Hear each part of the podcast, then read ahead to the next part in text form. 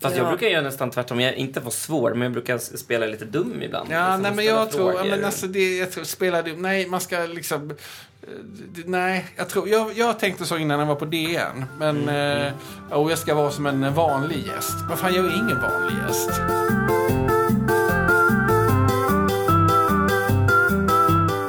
Hej! Dags för en ny podd. Idag träffar vi Viggo Kavling, Pelle Tamlet, Nöjesguiden, Rebecca Brage, Stockholm Food.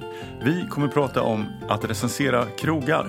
Vi diskuterar krogkultur i Stockholm just nu och snackar om desserter. Hur hittar man en bra dessert på krogen? Först tackar vi statist.se. Nu kör vi! Nu så säger jag hej och välkomna till Krogpodden, Viggo, Pelle och Rebecca. Hej, Hej, hej. Hej. Tack. kul att vara här. Jag tänkte fråga dagsformen. Vi börjar med Rebecca. Ja, men det är jättebra. Jag har precis varit och ätit lunch på relativt nyöppnade Food Village. Så att det är jättebra, men jag är rätt mätt. Vad tyckte du om Food Village? Ja, men Måste jag få fråga på en gång. Jag tycker maten var god. Och mysigt ställe. Men var det något på minuslistan? Det såg lite Nej men jag tror, nej men de har inte riktigt, de har precis öppnat för någon månad sedan så det var inte riktigt klart liksom. Nej, exakt min känsla. Ja. Det var riktigt vimsigt när vi var där. Men eh, jag Förlåt, åt, var ligger det här stället? det ligger i Hammarby sjöstad, precis vid Fryshuset. Okej. Eh, så jag åt en eh, bakad blomkål med hasselnötter. Väldigt gott. Så det är jättebra. Dagsform, Viggo.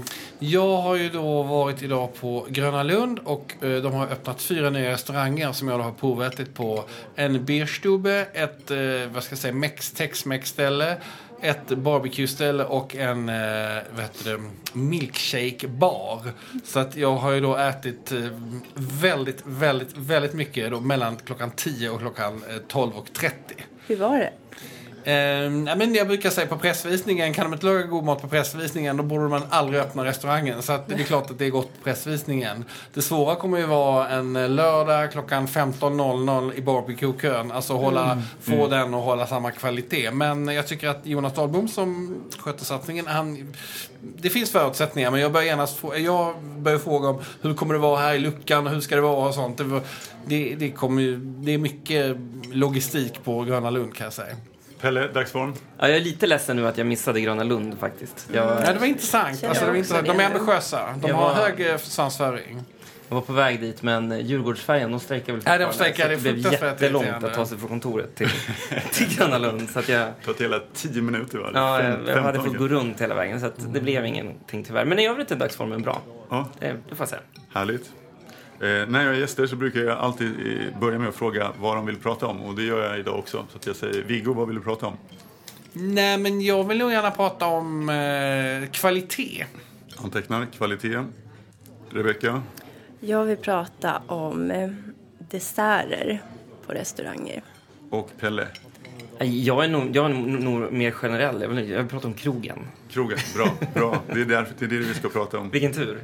Jag börjar med att fråga er en liten resumé på ert förhållande till mat. Och då tänker jag mig liksom att ni kan börja när ni var några år gamla till idag. Ni får liksom inte obrutet eller oavbrutet med tid utan kanske max två minuter. Max två timmar var. Precis. Rebecka, du får börja. Ditt förhållande till mat.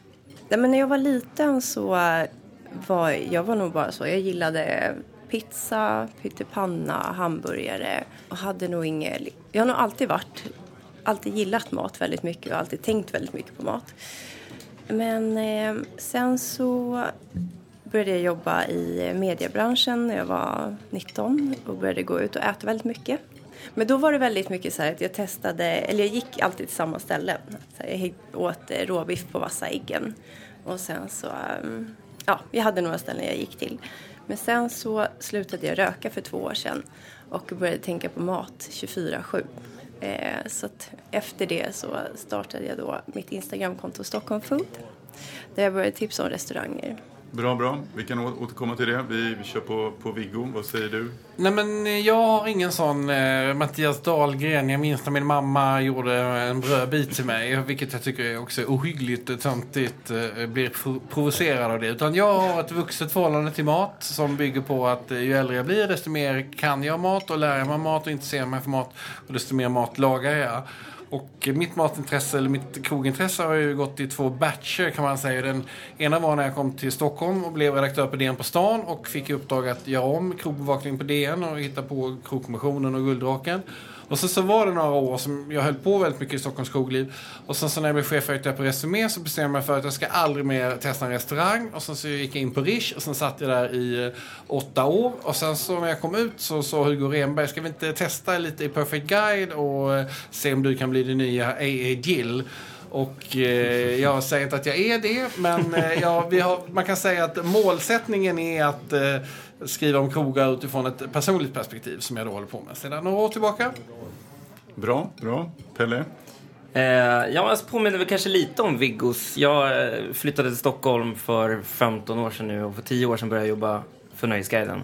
Bara, om man var ett år senare, ja, det, är, snart 10 år så har jag jobbat som, har jag varit krogredaktör för, för samma tid nu. Och nu, sen dess har jag typ haft and, alla andra roller men hållit kvar i krogredaktörrollen. Men det var i alla fall då som mitt matintresse på riktigt tog fart. Och kanske också att man var i den åldern att det var precis då man fick råd att gå ut och äta lite oftare.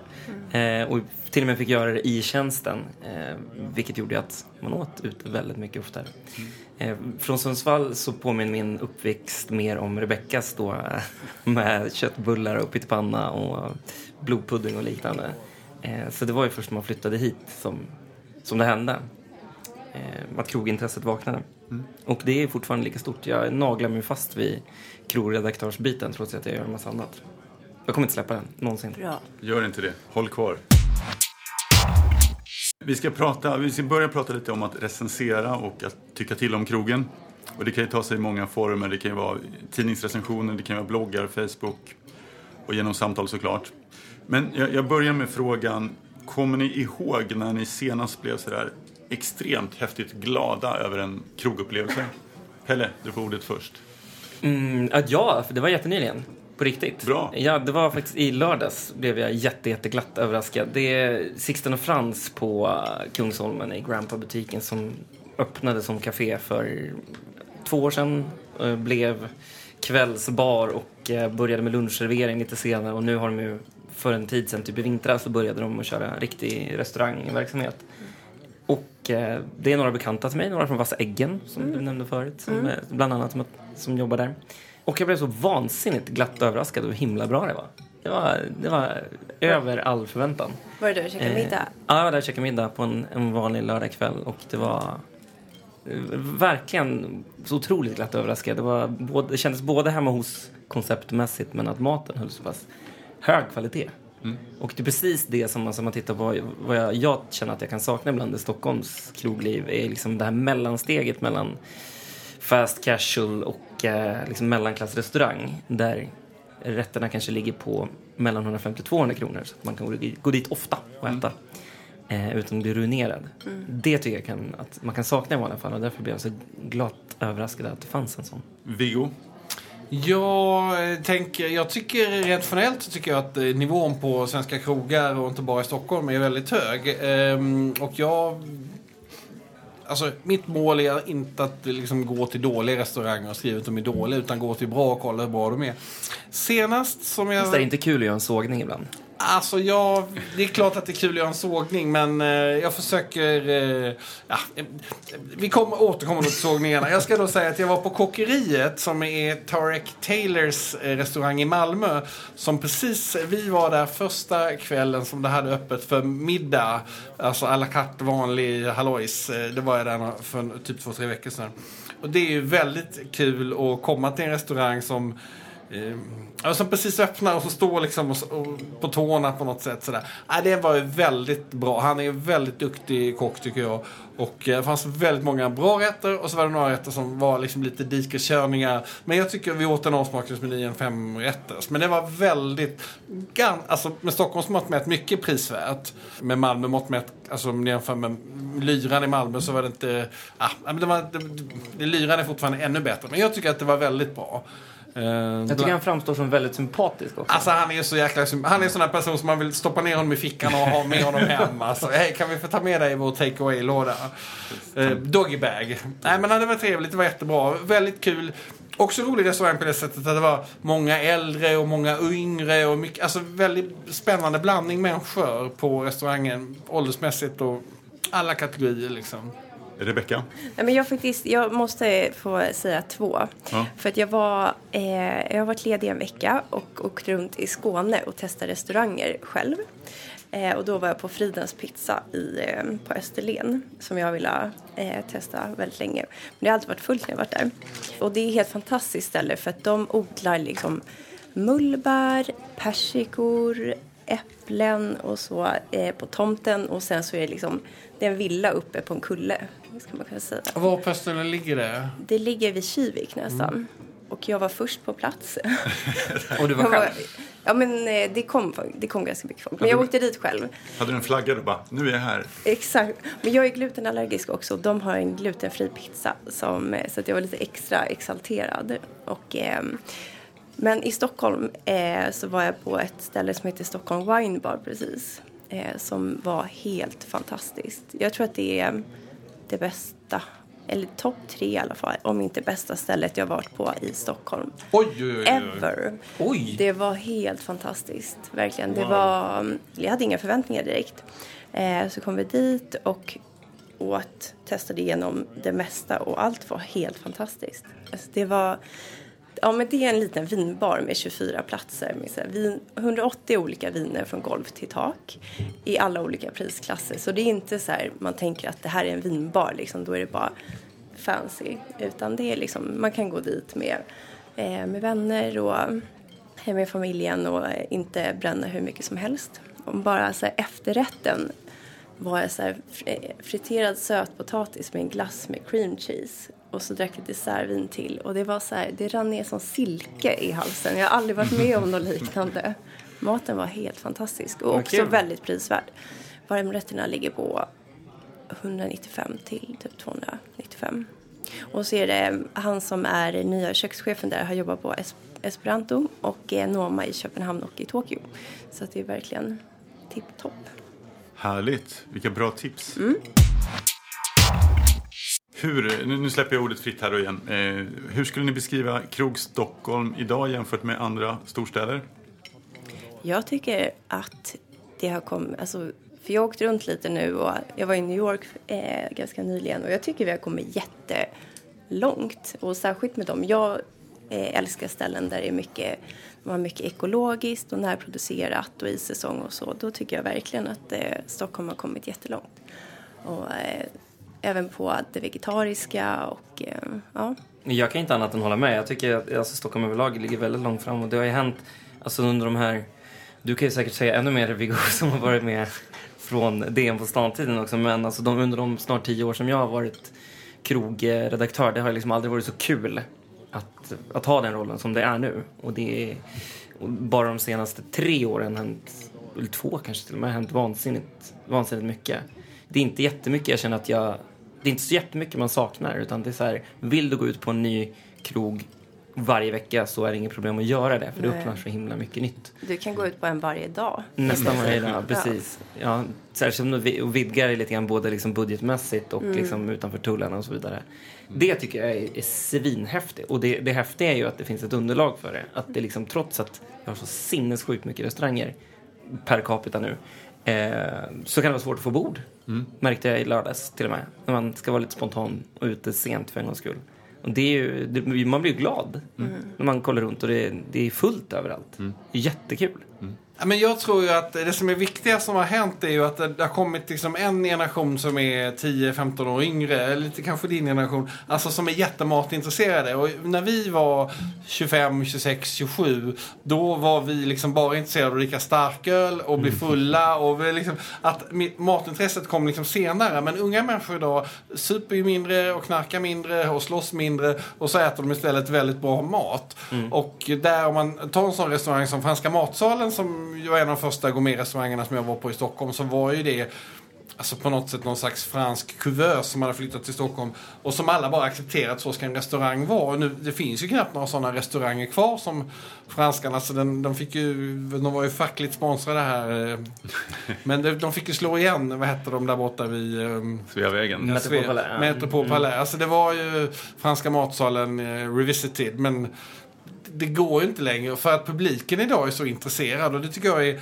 Det finns en jätteintresserad, nyfiken publik och det märker man Alltså när jag skriver och så att, att det, det, det, många människor, det här vill liksom, var, må, alltså jag tror att väldigt många människor som bor i Stockholm har pengar så de kan gå ut och äta en till två gånger i månaden och de vill gå till en ny spännande bra restaurang. De vill lägga några tusenlappar och de vill ha en stor upplevelse tillbaka. Och den publiken driver ju på utvecklingen på ett sätt som inte var för 15-20 år sedan. Dels för att det, det fanns en liten grupp och de, de ville liksom bli lika fulla som mätta. Men nu vill de bara bli mätta. De vill inte bli berusade alls. Liksom.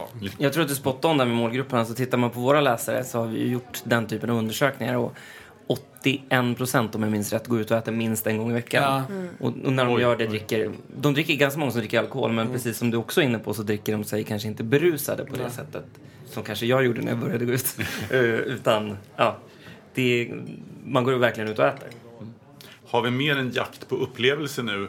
Alltså, och, och finns det då en livslängd på en krog som man inte såg tidigare? Ja, alltså jag tror att jag tror en del... Eh, alltså de krogar som... Alltså kan de förnya sig och skruva vidare? Alltså det är fortfarande... Krogarna har ju löst det här på ett problem som inte jag tycker så mycket om. Det är att de har gjort dem väldigt små. Så att det är väldigt svårt att få bord och som Franzén det är 14 platser. Det, det tycker jag, jag, är, jag har, ska ha ett korståg mot sådana restauranger nu. Men, men, men jag tror att det, det driver liksom på lite grann. Och så, så ändrar de lite och anställer en ny kökschef och så händer det grejer. Så jag tror...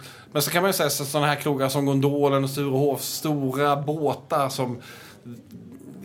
Det, är kanske inte alla krogar som behöver vara så, utan det är några, några kockar som slår sig ihop och de jobbar några år och sen så, alltså så blir de ovänner, de gifter sig och skiljer sig och skaffar barn och vad som händer hit och dit. Och så, det vill vara en sån restaurang till exempel. Som där liksom... Det, ja, den hade sin tid och det var häftigt och bra och sen så nu är det en annan restaurang där i den här lokalen och det verkar också fungera bra. Men jag tänker som en krog då, Babette till exempel. Hur, hur, kommer den bli klassisk så småningom eller kommer den Det beror på vad man menar med klassiskt. Hur länge måste en krog eh, finnas för att det ska vara... Ja, men jag, jag tänker, kommer den vara liksom, tror vi att den är liksom poppis forever eller tror vi att den måste, kommer den liksom svänga lite för att behålla sin, sin, sin målgrupp? Men det är ju en, en precis krog av den storleken så att de med små medel så bör man ju lyckas kunna, kunna fylla den. Den kan nog överleva ganska en bra tag framöver. Jag tror inte det. Jag tror, inte, jag tror en sån liten restaurang som måste få platser. Det innebär att de som jobbar där måste jobba fruktansvärt mycket där. De kan inte, och för att upprätthålla kvaliteten så måste de vara på plats. Och efter ett tag så blir man, har man gjort det i 5-6 år, alltså det är man rätt sliten alltså. Alltså det är som ett rockband som aldrig får komma liksom utanför 200-300 gigs eh, restaurangen, men, eller krogen, eller konsertstället. Då är det jävligt kämpigt. Men då, då kan de ju öppna fler krogar, som, som typ Hornstullsgruppen har gjort. Liksom. Ja, de absolut. Paradis och Mm. Tjoget och så vidare. Ja. Det är väl exakt det som är symptomet Ja, där. det, det man kan ser till att vara, det första funkar och sen så Mm, öppnar Det man kan vara ett att de till. kan göra det. Eller bara byta koncept lite. Mm. Ja, jag, tror jag att de tror, jag tror att... Eh, alltså det finns någonting i ekonomin som har du över 10 miljoner omsättning händer vissa grejer. Får du över 20 miljoner då har du liksom fler anställda. Då blir det en annan... Alltså det är den här... eh, eh, slungan som snurras runt så här som eh, vad heter det, står om i Good to Great. Den, den måste liksom slunga med en viss kraft. Och den kraften kan inte uppstå om det, är för, liksom, om det bara är 5 miljoner omsättning. Alltså har de en dålig vecka och så kommer det en dålig månad och så helt plötsligt så ah, vi, vi säljer krogen till någon pizzeria liksom. Men jag, jag har hört det som att du typ inte kan överleva på en krog och knappt på två utan du måste ha typ tre stycken. Ah, du, eller ett är ni- stort ställe. Alltså Ja. jag tror att om du har under 100 platser då är det jäkligt tufft. Alltså då måste du springa varje dag jävligt långt alltså. Får jag fråga, är det någon här som har jobbat krog? Nej. Nej. Alltså jag jobbar, jobbar kan man väl inte säga, men när vi gjorde linjekock så lagade jag ju mat till väldigt många människor. Så att jag har ju den, och då kan man säga så här att laga 200 stekt sill är ju rätt kämpig uppgift. Eller du vet, man, det, är liksom, alltså det fysiska i storköksdrift, vilket ändå Rishi är ett väldigt bra exempel på. Det är, det är fysiskt tuffare än man tror. och, eh, men jag tycker det är, det är jobbet. Alltså jobbet är ju att det ska komma 200 människor och bli Mm. mätta och glada. Men det är ett jävla slit alltså. Jag tar, Jag- tillbaka, Vad sa du? jag tar tillbaka mitt nej. Jaha, Jag det kom för Berätta en liten parentes bara. Jag, fast där kan man ju inte riktigt räkna. Men det är ändå en liten kul parentes. Och det var att jag jobbade på en golfrestaurang och serverade pensionärer. För det var i samma hus.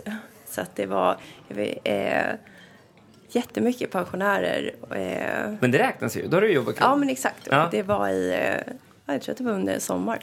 För det är alltså ett av mina mindre värdeskomplex som har fått hänga med ganska mycket under man har skrivit så pass mycket om krogar. Så att man själv inte har gjort det. Och det är oftast den...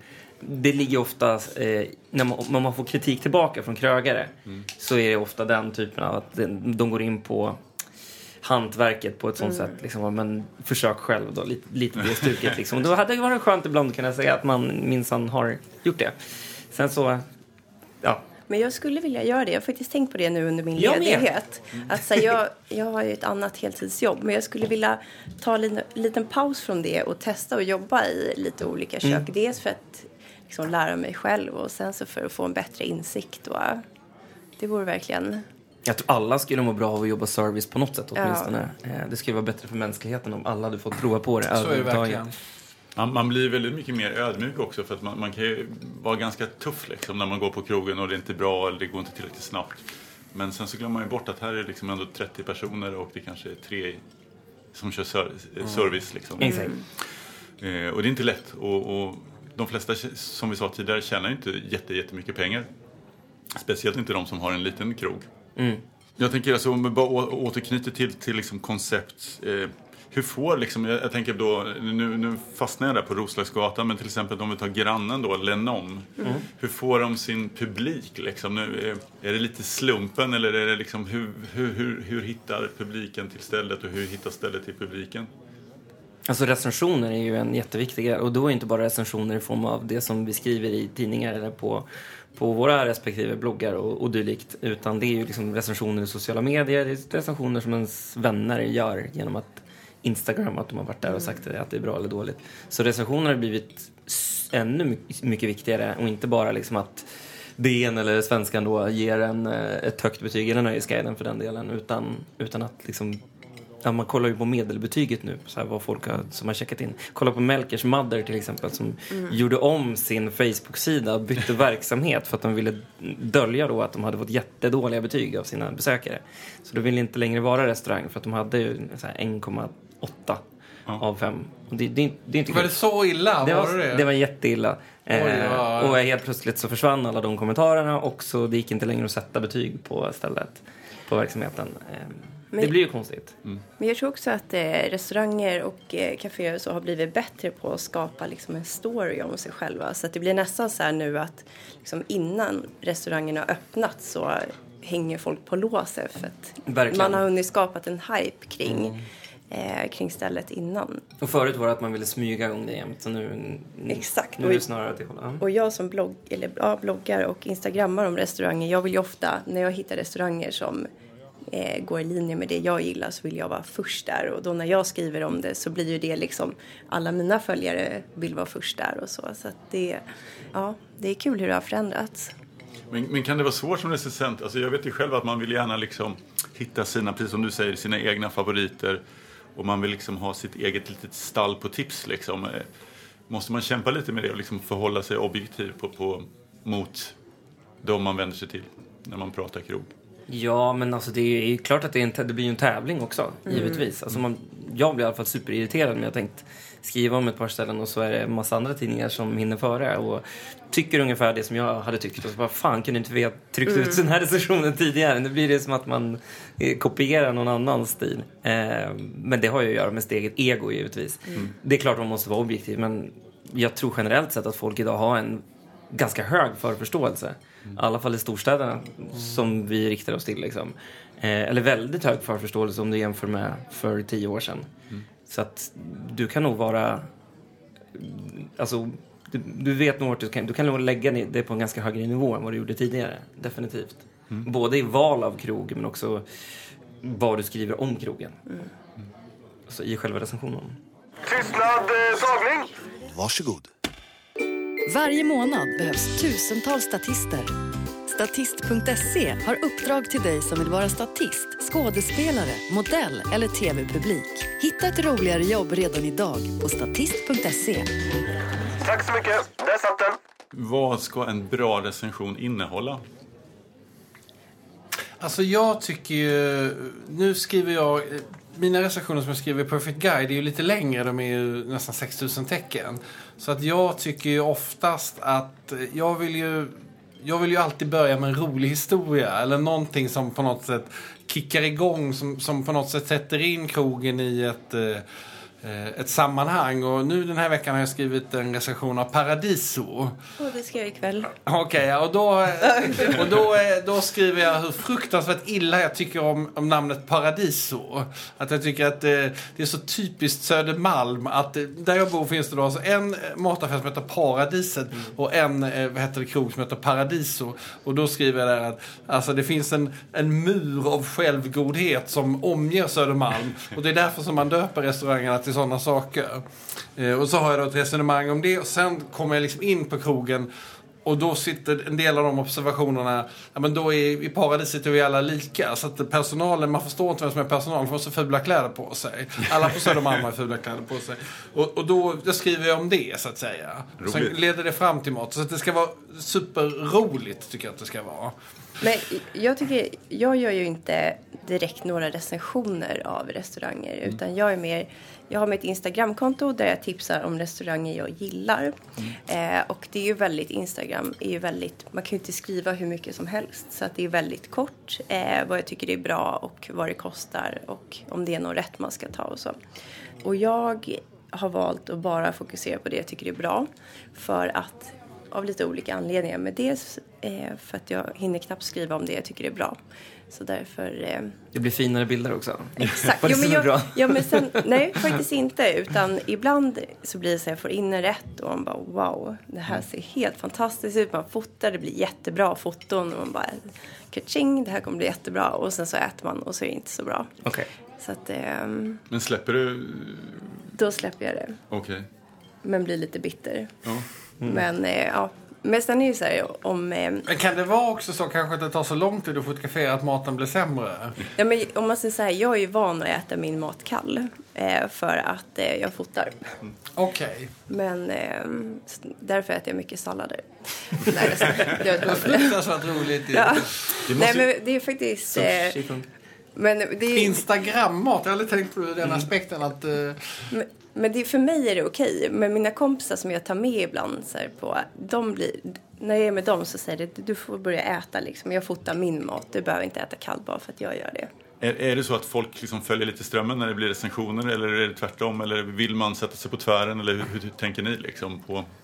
Alltså menar du recensenter? Alltså Följer recension, varandra eller recensioner, inspireras av att, varandra? att, att, är det Som man liksom... säger på ett fint sätt.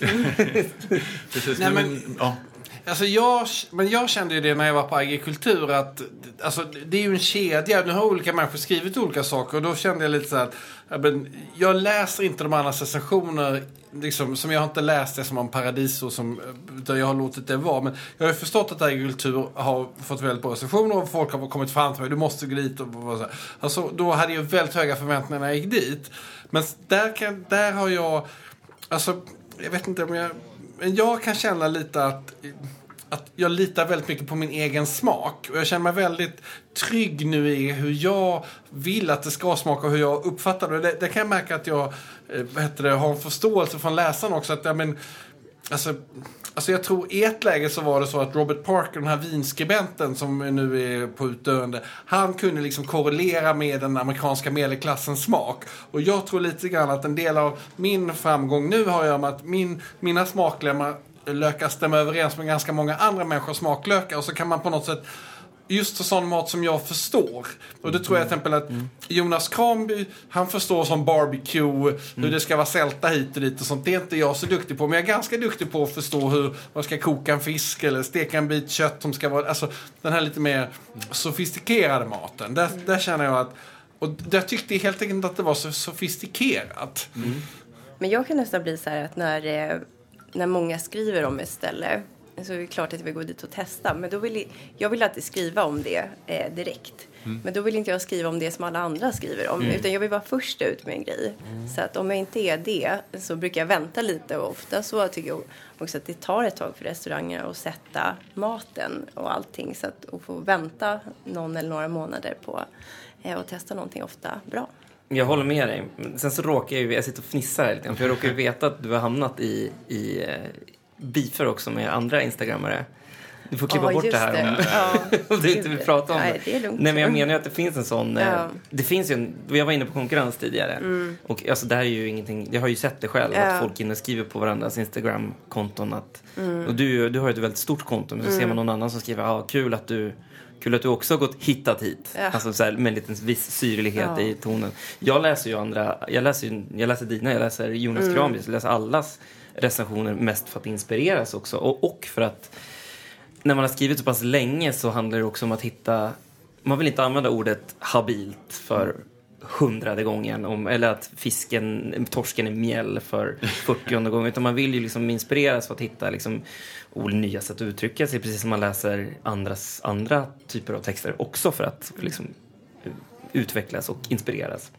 Men, men det är kul då att det finns en, Verkligen. att det helt klart finns en konkurrens Ja. om att vara först med saker. Det, det, det, det tycker jag är jättespännande. Ja, det, och jag tycker så här att det är positivt, liksom, eller att det finns många som skriver. Det är väldigt så här, positivt. Och när andra skriver om restauranger som jag hade tänkt att skriva om, då är det så här, ja men då skriver jag om det också, eller så väntar jag med det.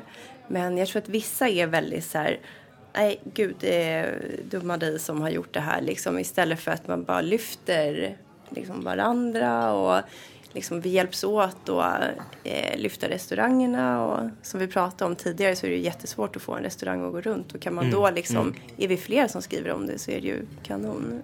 Och man blir ju bättre själv av att få konkurrens också. Det är ju ingen snack om Verkligen. saken. Alltså det är, jag, jag gillar ju den här tävlingsinstinkten då, att man vill försöka vara först. Jag har fortfarande inte fått bord på agrikultur. Så att det smärtar ju mig att ni sitter och pratar om ett ställe som jag inte varit på och inte kan bidra. Nej, men man vill ju ha varit Man där. vill ju ha varit där. är det. Ja, men- Man vill ha varit där. Det Det, är ju känns ingen- jätteskönt. Alltså, jag kan, man kan känna så när det öppnar som det här, ja, men, eller som ni har pratat om tidigare. Men man vill ju, vara, man vill ju ha koll helt enkelt. Mm. Man vill ju vara först. Det är alltid lite Ja, men man vill vara först, och kan man inte vara först så måste man ändå, alltså, det, vi måste ju också, alltså på något sätt, alltså agrikultur har ju ändå, ja men det är ändå att en så, det är så pass avancerad mat. Ja. Det är ju inte, det är inte, det är inte dåligt på något sätt. Alltså så, det är inte, eh, de är jätte, och det kommer, jag tror att de kommer bli kanske bet, ännu bättre om ett år. På DN-tiden där, om vi återknyter, så, så, så var väl regeln att man kanske går tre gånger på en restaurang. Två gånger, jag går alltid, eller alltid, inte alltid, men ofta går jag två gånger. För det Du fick inte bord på agrikultur två gånger. Nej, det fick jag inte bara var en gång. Jag var åt allt de hade så att... Eh, Det är därför det är Eh, nej men, eh, vad ska jag säga? Du, vet, du, nej, men, det, man kan, men det var så annorlunda då. Alltså, man måste också förstå att då, när jag kom dit då hade Magdalena Ribbing skött eh, Krogpatrullen ensam i 20 år. Och hon trodde att hon var anonym och alla visste vem det var. och, och det var liksom... Eh, och sen var det liksom hennes formuleringar och sådär. Som var liksom blomsterspråk lite grann. Liksom. Och sen kom ju jag och så, så, då började vi liksom krogkommissionen och tänkte liksom ja, men lite som Guide Michelin att alla ska utbildas och vi ska ha ett regelformulär och vi ska jobba på det här sättet och så. Och, och det var liksom och det var liksom jättebra då. Sen var jag väldigt eh, jag kunde ju vara fruktansvärt hård på den tiden och skriva liksom eh, rikt, alltså så enorma sågningar. Så, du vet, liksom, när jag tyckte något var dåligt så var det bara liksom. Eh, Har du fått och- mycket skit? Nej, men det var en del grejer som var jävligt taskiga, men som också var dåliga. Eh, men då var det mycket mer, man kan säga att nu är jag mycket mer konstruktiv. Jag försöker inte liksom... Eh, förutom när jag skrev om restaurangerna på Arlanda så, så försöker jag liksom... Där jag ändå... Ja, men jag, försöker, jag, jag, jag har inget behov av att vara elak i onödan. Kan, kan du Eh, inte köra en recension om restaurangerna på Mall of Scandinavia? För du får ju samma resultat där som Jaha, okej. jag, jag, alltså, det, alltså, jag behöver inte åka till Mall of Scandinavia så därför kommer jag inte recensera det. Men Arlanda är jag ganska ofta på och eh, tvingas ju då ganska ofta äta där. Och det har ju då varit, det var de upplevelser som jag skrev om. Feedback på recensioner liksom. Hur, hur märker du eh, Pelle liksom? Får du, får du läsare som vänder sig till dig och säger jag håller inte med? Eller eh, tvärtom? Ja, ibland är det läsare och, eh, ibland är det krögare. Det, båda har ju hänt under de här åren. Eh, vissa krögare blir jätteförbannade. Vissa tror att... Vissa, alltså det går åt båda hållen. Vissa har blivit skitförbannade och ringt en lördag morgon och skällt ut den. Jag blev portad från, jag blev portad från tentstopet innan de bytte ägare. Det väldigt speciellt för att jag hängde där ganska ett tag. Jag jobbade i Vasastan och så fick man leta sig till nya marker. Men även att så här, på riktigt, vissa krögare tror att, kan tro att näst, ibland får man en känsla av att de tror att man skriver en bra recension för att vara schysst. Eh, har väl också hänt. Liksom, nä, nästan kommer från att tacka för en fin text. Och man bara, ja, men det var ju, det Tack var ju bra. Men läsare kan komma med alla möjliga invändningar. Och, men det är, det är mer ofta på formatet och stilen. Det som vi pratade om tidigare, vad innehåller en bra recension. Vissa blir lacka för att man inte skriver ut alltid vad allting kostar. Eh, och, ja, vissa blir lacka för att man går till ett ställe för att de som äger det stället har ett dåligt rykte sen innan. Som Punk Royal till exempel. Fick, vi lite, eller fick vi lite kritik och feedback på. För att det var inte riktigt helt politiskt korrekt. Men får du feedback på, på Alltså dina artiklar? jag, när jag går på Östermalm så kommer ju tanterna fram och är väldigt tacksamma. Okej. Så att de är, det är väldigt... Eh, eh, kärnmålgruppen jag känner har väldigt starkt eh, relation till dem faktiskt. Sen så var ju länge mina recensioner var ju bara på papperstidningen så att eh, de, de var ju väldigt svårt och nu, nu har de ju börjat lägga ut dem lite på nätet här. Och så att nu har ju även eh, massa andra människor upptäckt dem. Men annars var det väldigt... De blå damerna, blåhåriga damerna på Östermalm, men vi kommer så Tack så mycket för rolig recension! ja, tack så mycket. Jag har aldrig varit på en restaurang, men du skriver roligt. Så är de. Okej, okej. Ja, det är skönt om det breddas lite då. Nu kommer det Ja, men nu så, så men jag får väldigt mycket res, alltså, respons och folk som det blir som ett samtal kan man säga. Vad är det, hur, Instagram? De Ja, är, är det det är- Instagram med maffian håller på att slå ihjäl varandra? Exakt. Nej, men jag får, jag får nästan bara positiv feedback. Jag tror att det händer ytterst sällan att någon skriver någonting negativt. Och sen så de som skriver så här, ja men varför eh, tyck, du tycker bara det här, eller så här, du skriver bara positivt. Så bara, ja men det är bara för att jag fokuserar bara på de jag- ställena jag tycker är bra. Och sen så, så här, smaken är olika. Eh, jag kanske tycker någonting är fantastiskt gott och ser någon annan där och tycker att det inte alls är bra. Nej, men så är det liksom. Vi har olika smaklökar. Så. Men jag är verkligen skonad från sånt. Jag har, varit, jag har faktiskt varit förvånad över att det har varit så lite. Det har varit, ja men det var ett Instagramkonto som var lite på mig där. Men annars har det varit verkligen... Och det var någon nu som ville ha, han ville veta om, om jag liksom alltid betalar för maten och så. Men så förklarade jag att jag går på pressluncher och eh, press i, ja, och blir bjuden på vissa restauranger och så. Men det spelar ingen roll för att i, som i söndags till exempel så var jag på ett ställe som bjöd dit mig för att testa. Och då sa jag det men jag skriver om det om jag tycker det är bra och tycker jag inte det är bra så kommer jag inte skriva om det och då kan jag ge feedback istället. Eh, och det var inte bra eh, så då fick de feedback istället. Nej, ge oss ingen feedback. snälla, snälla. Säg ingenting. Okej, vad, vad, du behöver inte säga vilket ställe det var, men vad, vad gav det för feedback? Vad var det som... Ja, men det är ganska kul. Jag, jag, ehm, det här var ett väldigt otippat ställe som eh, jag kanske inte skulle ha gått till annars. Men via Allt om Stockholm där jag bloggar, eh, de jobbar eh, med en kedja som bad mig komma och testa deras brunch. Eh, och då tänkte jag att så här, ja men det är klart jag ska göra det. Jag kan ju inte bara gå på de ställena som är självklara och så. Så det är kul att testa. Men jag ska säga, det som inte var bra, det var att det jag beställde kom inte. Liksom. Det var ett, Det fanns, typiskt dåligt. Exakt, det, här, det fanns inga mullbär i granolan som det stod. Det var ingen mynta på. Eh, de färska bären var frysta och tinade. Nej, det här är Gör om, liksom... gör rätt. Exakt. Men det var en god omelett med mycket ost. Jag säger så här, eh, små detaljer som ni uppskattar på krogen. Jag tycker, eh, jag snackade med det med en bartender på teaterbaren att eh, att man ska vara generös med allt som är gratis. Alltså eh, ett glas vatten, jordnötter, välkommen in, eh, bär fram liksom grejer och sådär. Alltså massa, eller gratis är ju ingenting är gratis men, men när man får den känslan av service och det kan jag känna verkligen att Svenska Brasserier, Riche och Sturehof och när de funkar som bäst så är, har de en enorm service. Alltså att det är gratis i garderoben till exempel. Så jäkla smart grej. Alltså vad tjänar de på det? De, det är liksom när man väl ska dricka, ska vi ta ett dyrt eller billigt vin? Fan vi tar det dyra dyraste, hit med det dyraste. För jag fick hänga in min jacka gratis. Sådana grejer förvånar mig att inte fler har satt sig ner och liksom... Man kan få lite extra sås. Nej, men, hur, kan- man kan få, men alla de här Och grejerna backning. runt, hur ska vi få när kunden kommer och verkligen ska göra sin beställning, Mm. hur kan vi få honom att må så bra som möjligt?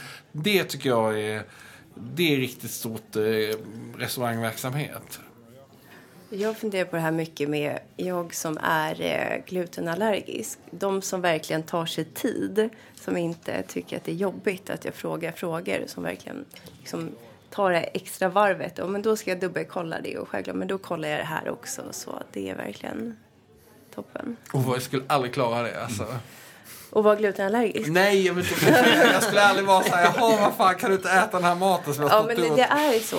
Och, det, och jag förstår. Och det är också en sak som jag tänkt på som vore grymt. Och det är att restaurang, alla restauranger borde skriva ut bara märkning. Så här, GF för glutenfritt eller L för laktosfritt och så. För då blir det mycket lättare. Eller om det är vegetariskt eller så. För då slipper man hela det här. För att det är eh, det är svårt för de som serverar att ha stenkoll på allting, alla rätter och så. Eh, så därför bara en liten märkning så skulle underlätta. Men det blir ju så, jag är världens jobbigaste. Dels för att jag har mycket frågor generellt sett. Sen för att jag alltid kollar om det är, är du säker på att det inte är något? Det är ingen soja i det här, det är inget, ja. Så att de som tar sig lite extra tid då, verkligen. Så att jag känner mig lugn. Men jag, jag, jag, varför är det inte så? Alltså jag håller med dig Viggo där i den här frågan att man skulle kunna liksom Alltså man blir ju så glad. Man spenderar, precis som, som ni säger, liksom, man spenderar 500, man sp- spenderar 1500. Och så får man en grej för 3 kronor. Och så blir man överlycklig och så spenderar man ytterligare 200 kronor. Det verkar så enkelt. Varför gör de inte det oftare, undrar man. Därför att väldigt många tänker inifrån och ut ju. Alltså de tänker... eh, Ja, de kan inte liksom... Att de ser inte det utifrån kundens perspektiv. Och det är jätte, jätte, jätte, jättesvårt. Jag tror generellt att kockar och är ganska inåtvända människor. Jag vänder på frågan. Alltså, saker som ni störs på krogen. Jag, jag kan känna mig provocerad när man, man kanske kommer lite tidigt och man vill bara sitta ner. Eller, alltså just, just när de försöker sälja på dig saker. Liksom, att få det här spacet är ju... När de fixar det så blir man ju så otroligt lycklig. Man, man känner sig inte dum för att man vill dricka lite vatten en stund. Och på andra ställen så är det bara, liksom, känner man sig bara som man sitter i vägen. Ja, både och tycker jag. Alltså, jag, jag kan svara på båda den här frågan, vad som, det, både vad som är bra detaljer och dåliga detaljer. Det är liksom första intrycket sammanfattar ju det. Det är det som är så oerhört viktigt. Att du, du kommer in på restaurang och får liksom, du blir sedd på en gång. Eh, oavsett om bordet är klart eller inte, det spelar ingen större roll. Men vill du ha, som i ditt fall då kanske ett glas vatten i handen så får du det. Vill du ha en dry martini så får du det ganska fort. Sen kan jag vänta hur länge som helst. Men när jag har fått det första intrycket, det där lilla, kanske ställer, ställer fram nötter om jag är hungrig då.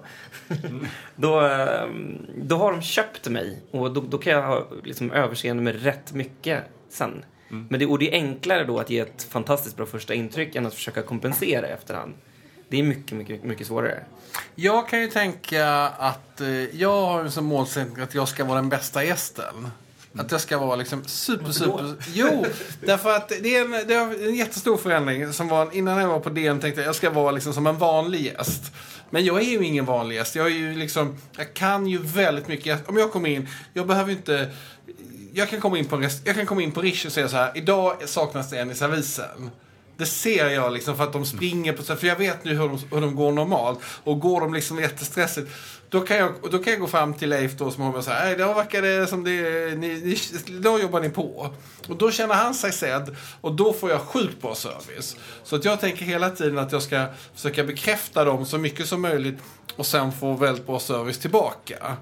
Eh, och då kan det bli liksom ett, då är det ett samarbete. För oftast är jag där med någon som jag ska ha något möte eller någon kompis eller något sådär. Och då är, de, då är jag lite så krogauktoriteten. Och då är det ju viktigt att jag får det att funka. Och då tror jag genom att tänka att vi ska samarbeta, eh, då kan det bli bättre. Gör du så även när du recenserar? Ja, jag tänker det hela tiden att jag ska försöka... eh, Och om jag är liksom... Det är liksom, jag säger aldrig så här. Jag säger inte vad jag tycker om maten. För att det är liksom om de bär ut en kass hummer, då är det mer, ja, men det liksom, ni kan ju inte göra om det. Utan det här var det, jag vet att, och då tänker jag så här att detta är det bästa ni kan åstadkomma. Här kommer jag, jag är jättetydlig men jag, är, jag vill att det ska vara skitbra. Om det då kommer en dålig hummer, ja men då är det ju inte så att, att någon annan har fått en bättre hummer. Jag är övertygad om att de har gett den bästa hummer de hade till mig. För de vet att det är störst chans att den ska bli recenserad. Då kan jag ju tänka mig att de andra hummusarna är jättedåliga. Om man ser det som ett samarbete, Mm. då, då blir liksom, om man säger så här, jag ska vara svår, vi ser vad de gör åt det. Nej, nej, men det kommer inte bli bra. Fast Ja. jag brukar göra nästan tvärtom. Jag inte vara svår, men jag brukar spela lite dum ibland. Ja, Liksom, nej men jag tror, ja, frågor. men alltså det, jag tror, spela det, nej man ska liksom, eh, det, nej, jag tror, jag, jag tänkte så innan jag var på DN. Men, eh, och jag ska vara som en vanlig gäst. Men fan, jag är ingen vanlig gäst. Om vi tänker nu 2016 och restauranger generellt i Stockholm. Vad, vad ser vi liksom för, för liksom trender där? Liksom vad, vad, är, vi pratade lite om de här små restaurangerna med, där det inte finns så mycket platser helt enkelt. Det är ju liksom någonting som har kommit lite kanske mer på intågande. Kompisar som sätter ihop restauranger. Men ser ni liksom... Det är ena spåret. Det andra spåret är ju helt tvärtom. Att det blir så här Mother. storslaget, hedonistiskt. Nej, men jag tänker på typ Haymarket som öppnar nu och även kanske lite åt Continental. Alltså man går... Urban Deli-stuket? Nej, mer att man går all in. Liksom. Att nu, nu, att den, den kommer tillbaka lite grann. Den vågen. Alltså, det har ju varit väldigt mycket hemma hos. Väldigt mycket eh, grabbgäng som har restauranger. Alltså, ja, men det är, kanske sätter sig vid bordet när man ska beställa. Som att komma hem till någons vardagsrum. Den, har ju, den trenden har ju funnits ett tag och kommer säkert att finnas kvar inom det skiktet. Liksom, mellan ja, men budgetskiktet. Men däremot så tycker jag att man ser det här överdådiga börjar också nosa sig tillbaka. Kanske då framförallt med typ Haymarket-öppningen. Liksom, att det är liksom allt från inredning till ja, detaljrikedom till menyerna. Säkert, jag har inte sett priserna men jag kan tänka mig att de kommer inte vara liksom jättelåga heller. Ehm, men Berätta, riktat sett- berätta Haymarket för de som, inte, som lyssnar som inte vet. det är ju det här nya, eh, Scandis nya signaturlinje som ligger liksom eh, ovanför deras, det heter Haymarket by Scandic istället för Scandic Haymarket och så vidare. Ja. Det gamla Eh, pubhuset. Exakt, ga- gamla pubhuset som har byggt om och tagit tillbaka så här från eh, var det Greta Garbo som jobbade där? Det var det va? Ja, en gång i tiden. Men de har tagit tillbaka liksom den eh, 30-talsinredning. Eh, det är ganska konceptuellt och, och känns påkostat. Känns dyrt och, och stort. Eh, en jättehärlig trend som jag ser som kommer väldigt mycket och som har varit här ett tag. Men det är att det är mycket ekologiskt, eh, restauranger med närproducerat, i säsong, vilket är fantastiskt. Mer sånt. Ja, det, är nästan blivit som, det har blivit som ett mantra. Liksom. Exakt. Ja, men jag kan, Man kommer inte undan med att inte vara så. Ja. exakt. Det kan nästan vara lite provocerande när man får in en sallad med eh, en ananas i, eh, jag vet inte när det är, ananassäsong i Costa Rica, men när det inte är det. Men så att det tycker jag är jättehärligt. Och sen så mer att det kommer mer, eh, ja men som vi var inne på, hemma hos. Men att det är mer supper clubs och så. Att privatpersoner eh, öppnar upp sina hem för, eh, för gäster. Det är också någonting som kommer mer och mer. Jag ska faktiskt göra re- reklam för, för att vi på krogen har faktiskt en liten systersajt som heter Middag hos mig. Så att vi, vi är liksom... Vad är det? Vi, vi är, ja, men det, det, det finns ju det som du pratar om, eh, Air Diner i Göteborg är de som är störst och, och de har väl ambitioner, eller de har ambitioner liksom att, att nå ut över hela världen. Eller bli som, som en Airbnb. Vi har, liksom, vi har ju vårt lilla statistgäng då på, på Middag hos mig. Så att vi tittar lite på hur det ser ut och, och kör vår liksom, variant av det. Så får vi se vad det tar vägen. Men, men jag tror absolut, så trodde vi också. att Det är mycket på gång, liksom, att man kan bli kock själv och, och man, vill, man har inte råd eller tid att öppna en egen restaurang. Men då kan man göra något spännande hemma i hus, hos sig själv. Viggo, har du någonting att Alltså tillägga? i jag frågan? håller med om allt ni har sagt. Jag kan säga det kommer inte för det kommer ju vara ett litet appkrig nu här också. Det pågår ju nu så har Ja. Volt kommit in och Foodora är på gång. Och så finns det där Aptit och sen så är det Waitress. Så det är olika appar som slåss om take away-gästerna men också att de vill in på krogen och eh, påverka och sådär. Så att det, jag tror att digitaliseringen av restaurangupplevelsen den kommer att fortgå.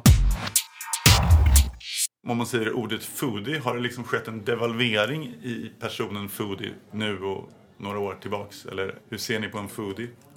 Alltså jag tycker uh, Foodien dog med den här dokumentären som SVT gjorde om foodisar.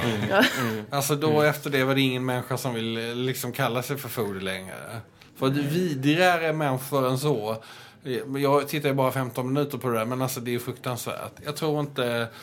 ehm, Det är som att hipster dog samma dag som någon, någon myntade uttrycket hipster. Det är lite samma. Fast hipsterkulturen finns ändå väldigt stark på Södermalm tycker jag. Eh, Sen kanske inte... Men ingen som skulle kalla sig för det. Nej, ingen skulle kalla sig det för det längre. Men jag använder det ganska mycket i min recension av Paradiso. Alltså det är fortfarande... Det finns ju många ställen på Södermalm som att... Ja, men de använder inte om sig själva. Men jag tror Fodisen Exakt. är mer... Där tror jag mer att... Alltså att Fodisen... Och det, eller jag tror den här, att man är mer intresserad av vad som är i munnen än vad som är runt omkring en. Det är ju faktiskt så att man är mer intresserad av det som är runt omkring en. Eh, alltså, det var ju, jag tror de sa på White Guide att 80% väljer restaurang på grund av ambians. Eh, och sen efter det tvåa är typ eh, om det är italienskt eller koreanskt. Och det tror jag... Eh, ehm, ja, men Fodisen skulle ju då motsäga detta för han vill ju ha en koreansk eller vad heter det, peruansk eller något annat. Och det stämmer helt och hållet. För Nöjesguiden då, vi med vår hipsterpublik, det är recensioner i första hand och sen så är det eh, ambians eller atmosfär som vi kallar det då i andra hand. Eh, så att det stämmer ju helt. Det finns nog en hel del hipsters som inte kallar sig hipster i vår läsargrupp. Liksom. Kvalitet ville Viggo prata om och desserter ville Rebecca prata om. Vad, kvalitet, vad, vad, vad, vad har vi snuddat vid det? Eller vill du... Nej, jag tror nog det känns som att vi har pratat ganska mycket, alltså på något sätt. Ja, men man vill ju ha kvalitet i alla moment. Och jag tror, eh, och liksom att man, ja, nej, nej, jag, jag orkar inte säga något, jag tror inte säga något begåvat om det. Det är bättre att vi pratar om dessert Vi pratar om istället. desserter. Ja. Nej, men om desserter då, så jag älskar desserter. Eh, men jag tycker att det är lite tråkigt att det bara finns eh, desserter med socker. Apropå det här med socker igen. Eh, så att ibland så föredrar jag nästan att ta en förrätt till efterrätt. Ehm, Håller med helt och hållet. för att det är så, jag lyssnade på en jättebra intervju med Joel Lindqvist som är dessertkock. Och han sa det att liksom, senaste åren så maten har förändrats jättemycket men desserterna är fortfarande de samma och jag håller verkligen med där. Det är så, eh, det vore kul med lite utveckling av desserterna och att det är bra att det finns ost eh, för att det men annars så kanske, man kan ju ha kvar crème brûlén men lägga till, till lite olika, lite andra grejer och för att det är väldigt härligt att toppa en bra middag med en dessert. Men det blir också så här när man har suttit och ätit väldigt mycket mat och sen så ska man äta ännu mer och så är det liksom det sötaste av allt. Eh, Det är lite, då blir nästan, då lämnar man ofta med en dålig känsla istället för att man lämnar med en fräsch liksom. Okej, okej. Vad intressant. Jag tycker ju precis tvärtom faktiskt. Jag älskar ju på något sätt Du vill bli knockad. Ja, men jag, alltså, jag tycker ju väldigt mycket om den här sockerbelöningen på slutet. Mm. Jag är väldigt... Eh, så jag tycker att det var intressant på, på Mother då. Vi pratar ju mycket om Mother så det är ett gott tecken. Men att, nej, men att de, för de försöker verkligen där. Och eh, jag hade inte så lätt, speciellt efterrätterna tycker jag. Eh, Men det jag tycker är att det ska finnas allt. Eller allt behöver det kanske Nej, men alltså, inte det är finnas. klart men att det finns alltså, det, ska, alternativ. det, men det, alltså, det som du säger är ju helt korrekt. Det ska Ja. ju finnas de rätter som du efterlängtar. Alltså, det är klart och det stämmer ju. Jag som bara kan ju liksom crème brûlée och tiramisu och eh, vad heter det, en, en god chokladkaka. Alltså det är ju... Ja, men det är fanta- jag älskar crème brûlée. Det är verkligen. Men jag tycker att det kan finnas någonting annat också. Nej men det är en intressant poäng. Det, det liksom är en, verkligen det är det. en, man kan säga, ha en eh, ost, crème brûlée eller vad det är och sen någonting som är inte liksom det här eh, sockerbomben. Jag förstår precis. Jag har, jag har lagt ner dessert. Jag har Ja. gett upp helt och hållet. Men det blir nästan så Dricker här, något starkt istället. ja men precis man får ta, det är en bra grej. När, när jag poddade med Lilla Ego-killarna så, så, och vi pratade dessert så sa de Fan helvete. Liksom. Det, det var deras värsta mardröm. De sa det. Att, Ja, de- och, och, då blir man, man blir så förvånad för de är så kompetenta och de är så duktiga kockar. Hur svårt, hur svårt kan det vara? Tänker jag då. Men det är ju svårt att göra en bra, uppenbart. Ja, men göra en bra dessert tycker jag är lätt för att socker är en drog. Alltså, s- Socker är en Ta, drog. man, käkar man socker, allt med socker blir bra liksom.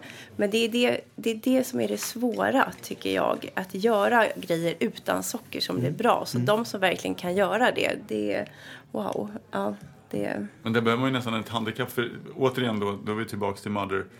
Jag har också provat deras eh, desserter. Och de blir ju kanske lite mindre, alltså man får ju inte den här belöningen instant. Och man kommer ju inte bli li, liksom lika liksom knocked out. Men det är ju just för att de har en lägre sockerhalt. Ja, de har ju ändå, det är ju annat socker i. Jag är ju ute efter någonting som, som Joel pratade om i den här podcasten som var väldigt spännande. Just när man gör en dessert på rödbeta till exempel. För rödbeta är jättesött i sig.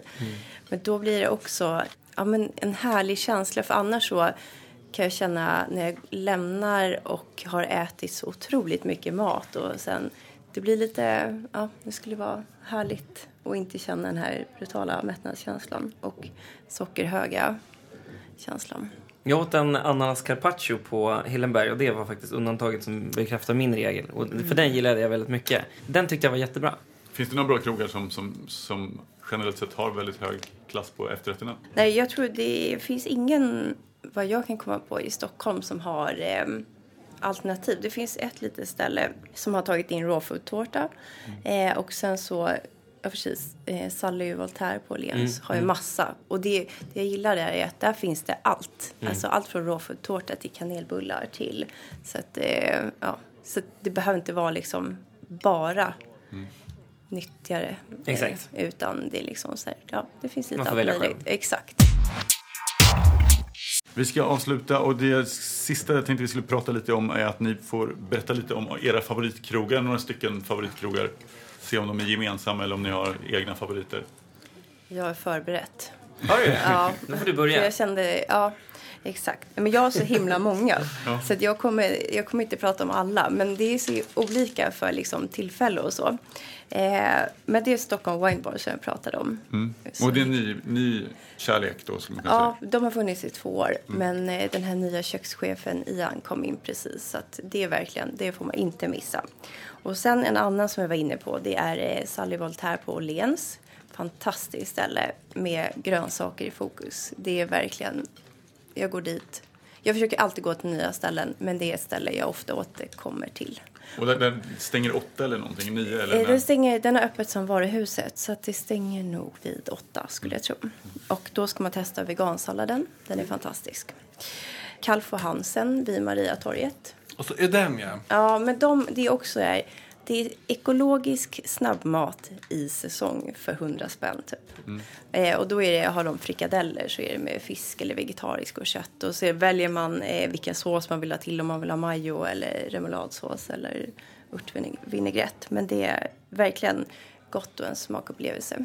Men där pratar vi lunch, eller hur? Nej, men de har middag också, tidig middag. middag. Och Okej. det är också, ehm, ja, De har ingen tillstånd eller? Nej, tyvärr. Men sen så eh, ett annat ställe på eh, Hornsgatan som är helt fantastiskt och det är Gamla Amsterdam som är en ost och vinbar. Åh, när jag gick in där, jag hade bara, eftersom jag bo- bor i krokarna så har jag gått förbi men inte liksom kikat in. Så gick jag in där för någon månad sedan och blev helt förälskad. Det bara luktar hur mycket ost som helst och är så mysigt. Och massa viner och Och jag visste inte att de hade vin där. Jo, utan du går in och så får du testa ostarna. Och sen så eh, kan du välja så att du tar en ostbricka eller en ostsallad eller parmesansoppa. Och så kan du rekommendera viner till. Och det kostar så här, jag för mig soppa låg på 100 spänn och en ostbricka, en stor ostbricka 120. Så det är verkligen prisvärt. Jag älskar ju, liksom, eller min bottenplatta är ju Rish och där äter jag ofta frukost och lunch. Och sen så brukar jag äta middag och nu brukar jag sitta i teaterbaren på bord 94 och äta på fredagar. Eh, och det är ju, alltså det är så jäkla supernice så det finns inte. Men 94, vad är det? Är det typ fönsterbord? Nej, eller? det är ett bord som är... När man kommer in så sitter till höger så, så räknar man fram och så ser det sista bordet i den raden. Eh, så att det brukar jag boka då. Och då, står, då står det här lapp, ni vet som det var förr. Så här, Viggos bord står det. Så kommer jag ut. Eh, det tycker jag är jättebra och jättekul och jag känner mig liksom hemma där. Sen tycker jag att eh, Wood Stockholm har varit jättebra när jag varit där. Och jag tycker att det har funkat superbra. Jag tycker det är liksom en sån restaurang som man Alltså som man vill eh, gå till. Och sen tycker jag fortfarande att eh, eh, Punk Royal eh, var, eh, ja, men lyckas leverera en ny sorts restaurangupplevelse. Eh, eh vilket är väldigt, väldigt, väldigt svårt. Men jag måste säga jag tycker att det var väldigt modigt. Jag tycker inte allting var sjukt, sjukt, sjukt gott. Men jag tycker att det sättet som de genomför Punk Royal är oerhört spännande och, och modigt. Och jag tycker, ja men mod är ja, men det är det vackraste som finns. Och det är väl prisvärt också? Det är prisvärt, absolut. Jag tycker hela den här trenden med, så som Lilla Ego också är, att man har väldigt bra mat och sen så allt annat är lite skit. Men det gör inte så mycket. Jag håller med. Jag, jag, jag, jag signar upp rakt av på Wood Stockholm. Det är en av mina eh, klara favoritrestauranger nu. Det är en sån, där pratar vi verkligen att de har gjort, skapat en helhetsupplevelse eh, med hela restaurangen. Det är snyggt också. Det finns man, man tycker om att sitta där och titta på saker och ting. Plus att så här, jag vet inget bättre än att komma in. Man kommer rakt in och tar helst en barplats. För att det är det bästa jag vet. Eh, Särskilt, särskilt om det är en restaurang du går till ofta. Du behöver liksom inte alltid bli sitad någonstans och vänta på det. Utan man kan ta en plats i baren och käka en mellanrätt och, och sen gå hem. Eh, så där är jag så ofta jag kan. Men det är en liten restaurang, eller hur? Det är en liten restaurang mitt på Mosebacketorg. Eh, men jag, jag, eftersom du sa den då så, så kan jag även dra till med Bistro Bananas som jag tycker har, har liksom samma, Ah, Okej, du tycker det? samma in, inriktning. Alltså jag, jag, tycker, jag gillar... Där pratar vi liksom kvarterskrogskänslan. Jag, gillar upplevelsen och jag tycker att det känns uh, avslappnat. Men sen så måste jag ju nämna mitt här, på, som Rish är ditt ställe då, så, kan jag, så har jag ju Vassa Äggen alltid haft en liksom vurm för de senaste, vet inte hur många år, typ sen jag började skriva krog. Och det är ett sånt ställe som där jag känner mig väldigt hemma när jag kommer in och det är så här, får man ögonkontakt med bartender redan man kommer in genom dörren trots att hen står 20 meter bort så står det, står det en fördrink framme på bardisken när man kommer fram dit. Och Men det är en härlig känsla att vara stamgäst. det är en så otroligt härlig känsla, men det känns också som ett ställe som man kan bli stamgäst på extremt fort. Alltså redan efter ett par besök så kan du bli stammis. Och oavsett, du kan sitta antingen i baren eller välja sitta i en lite tystare restaurang. De har skapat liksom flera miljöer. Det är underbart att gå dit en fredagkväll och festa. Men du kan även gå dit liksom en vardagkväll eller liksom en, en vanlig lunch och tycka Ja. att det är asnice också. Ja. De håller en svinhög, jämn nivå liksom, som jag, jag tycker att få restauranger lyckas med att ha. Har ni något förslag på någon man ska podda med eh, i framöver som ni tycker är intressant? ju redan lämnat ett bra Ja, fast jag har faktiskt en till. Jaha. Eh, och eftersom jag har lyft, eh, lyssnat på dina andra tidigare poddar eh, så eh, några som många nämner som de tycker väldigt mycket om, som jag också gör, det är Amidas kolgrill. Det vore intressant att få höra dem i en podcast och deras liksom, framgångskoncept. Och, um, för att det är väldigt, väldigt, ett ställe som är väldigt kändistätt eh, och som många kända kockar också tycker mycket om.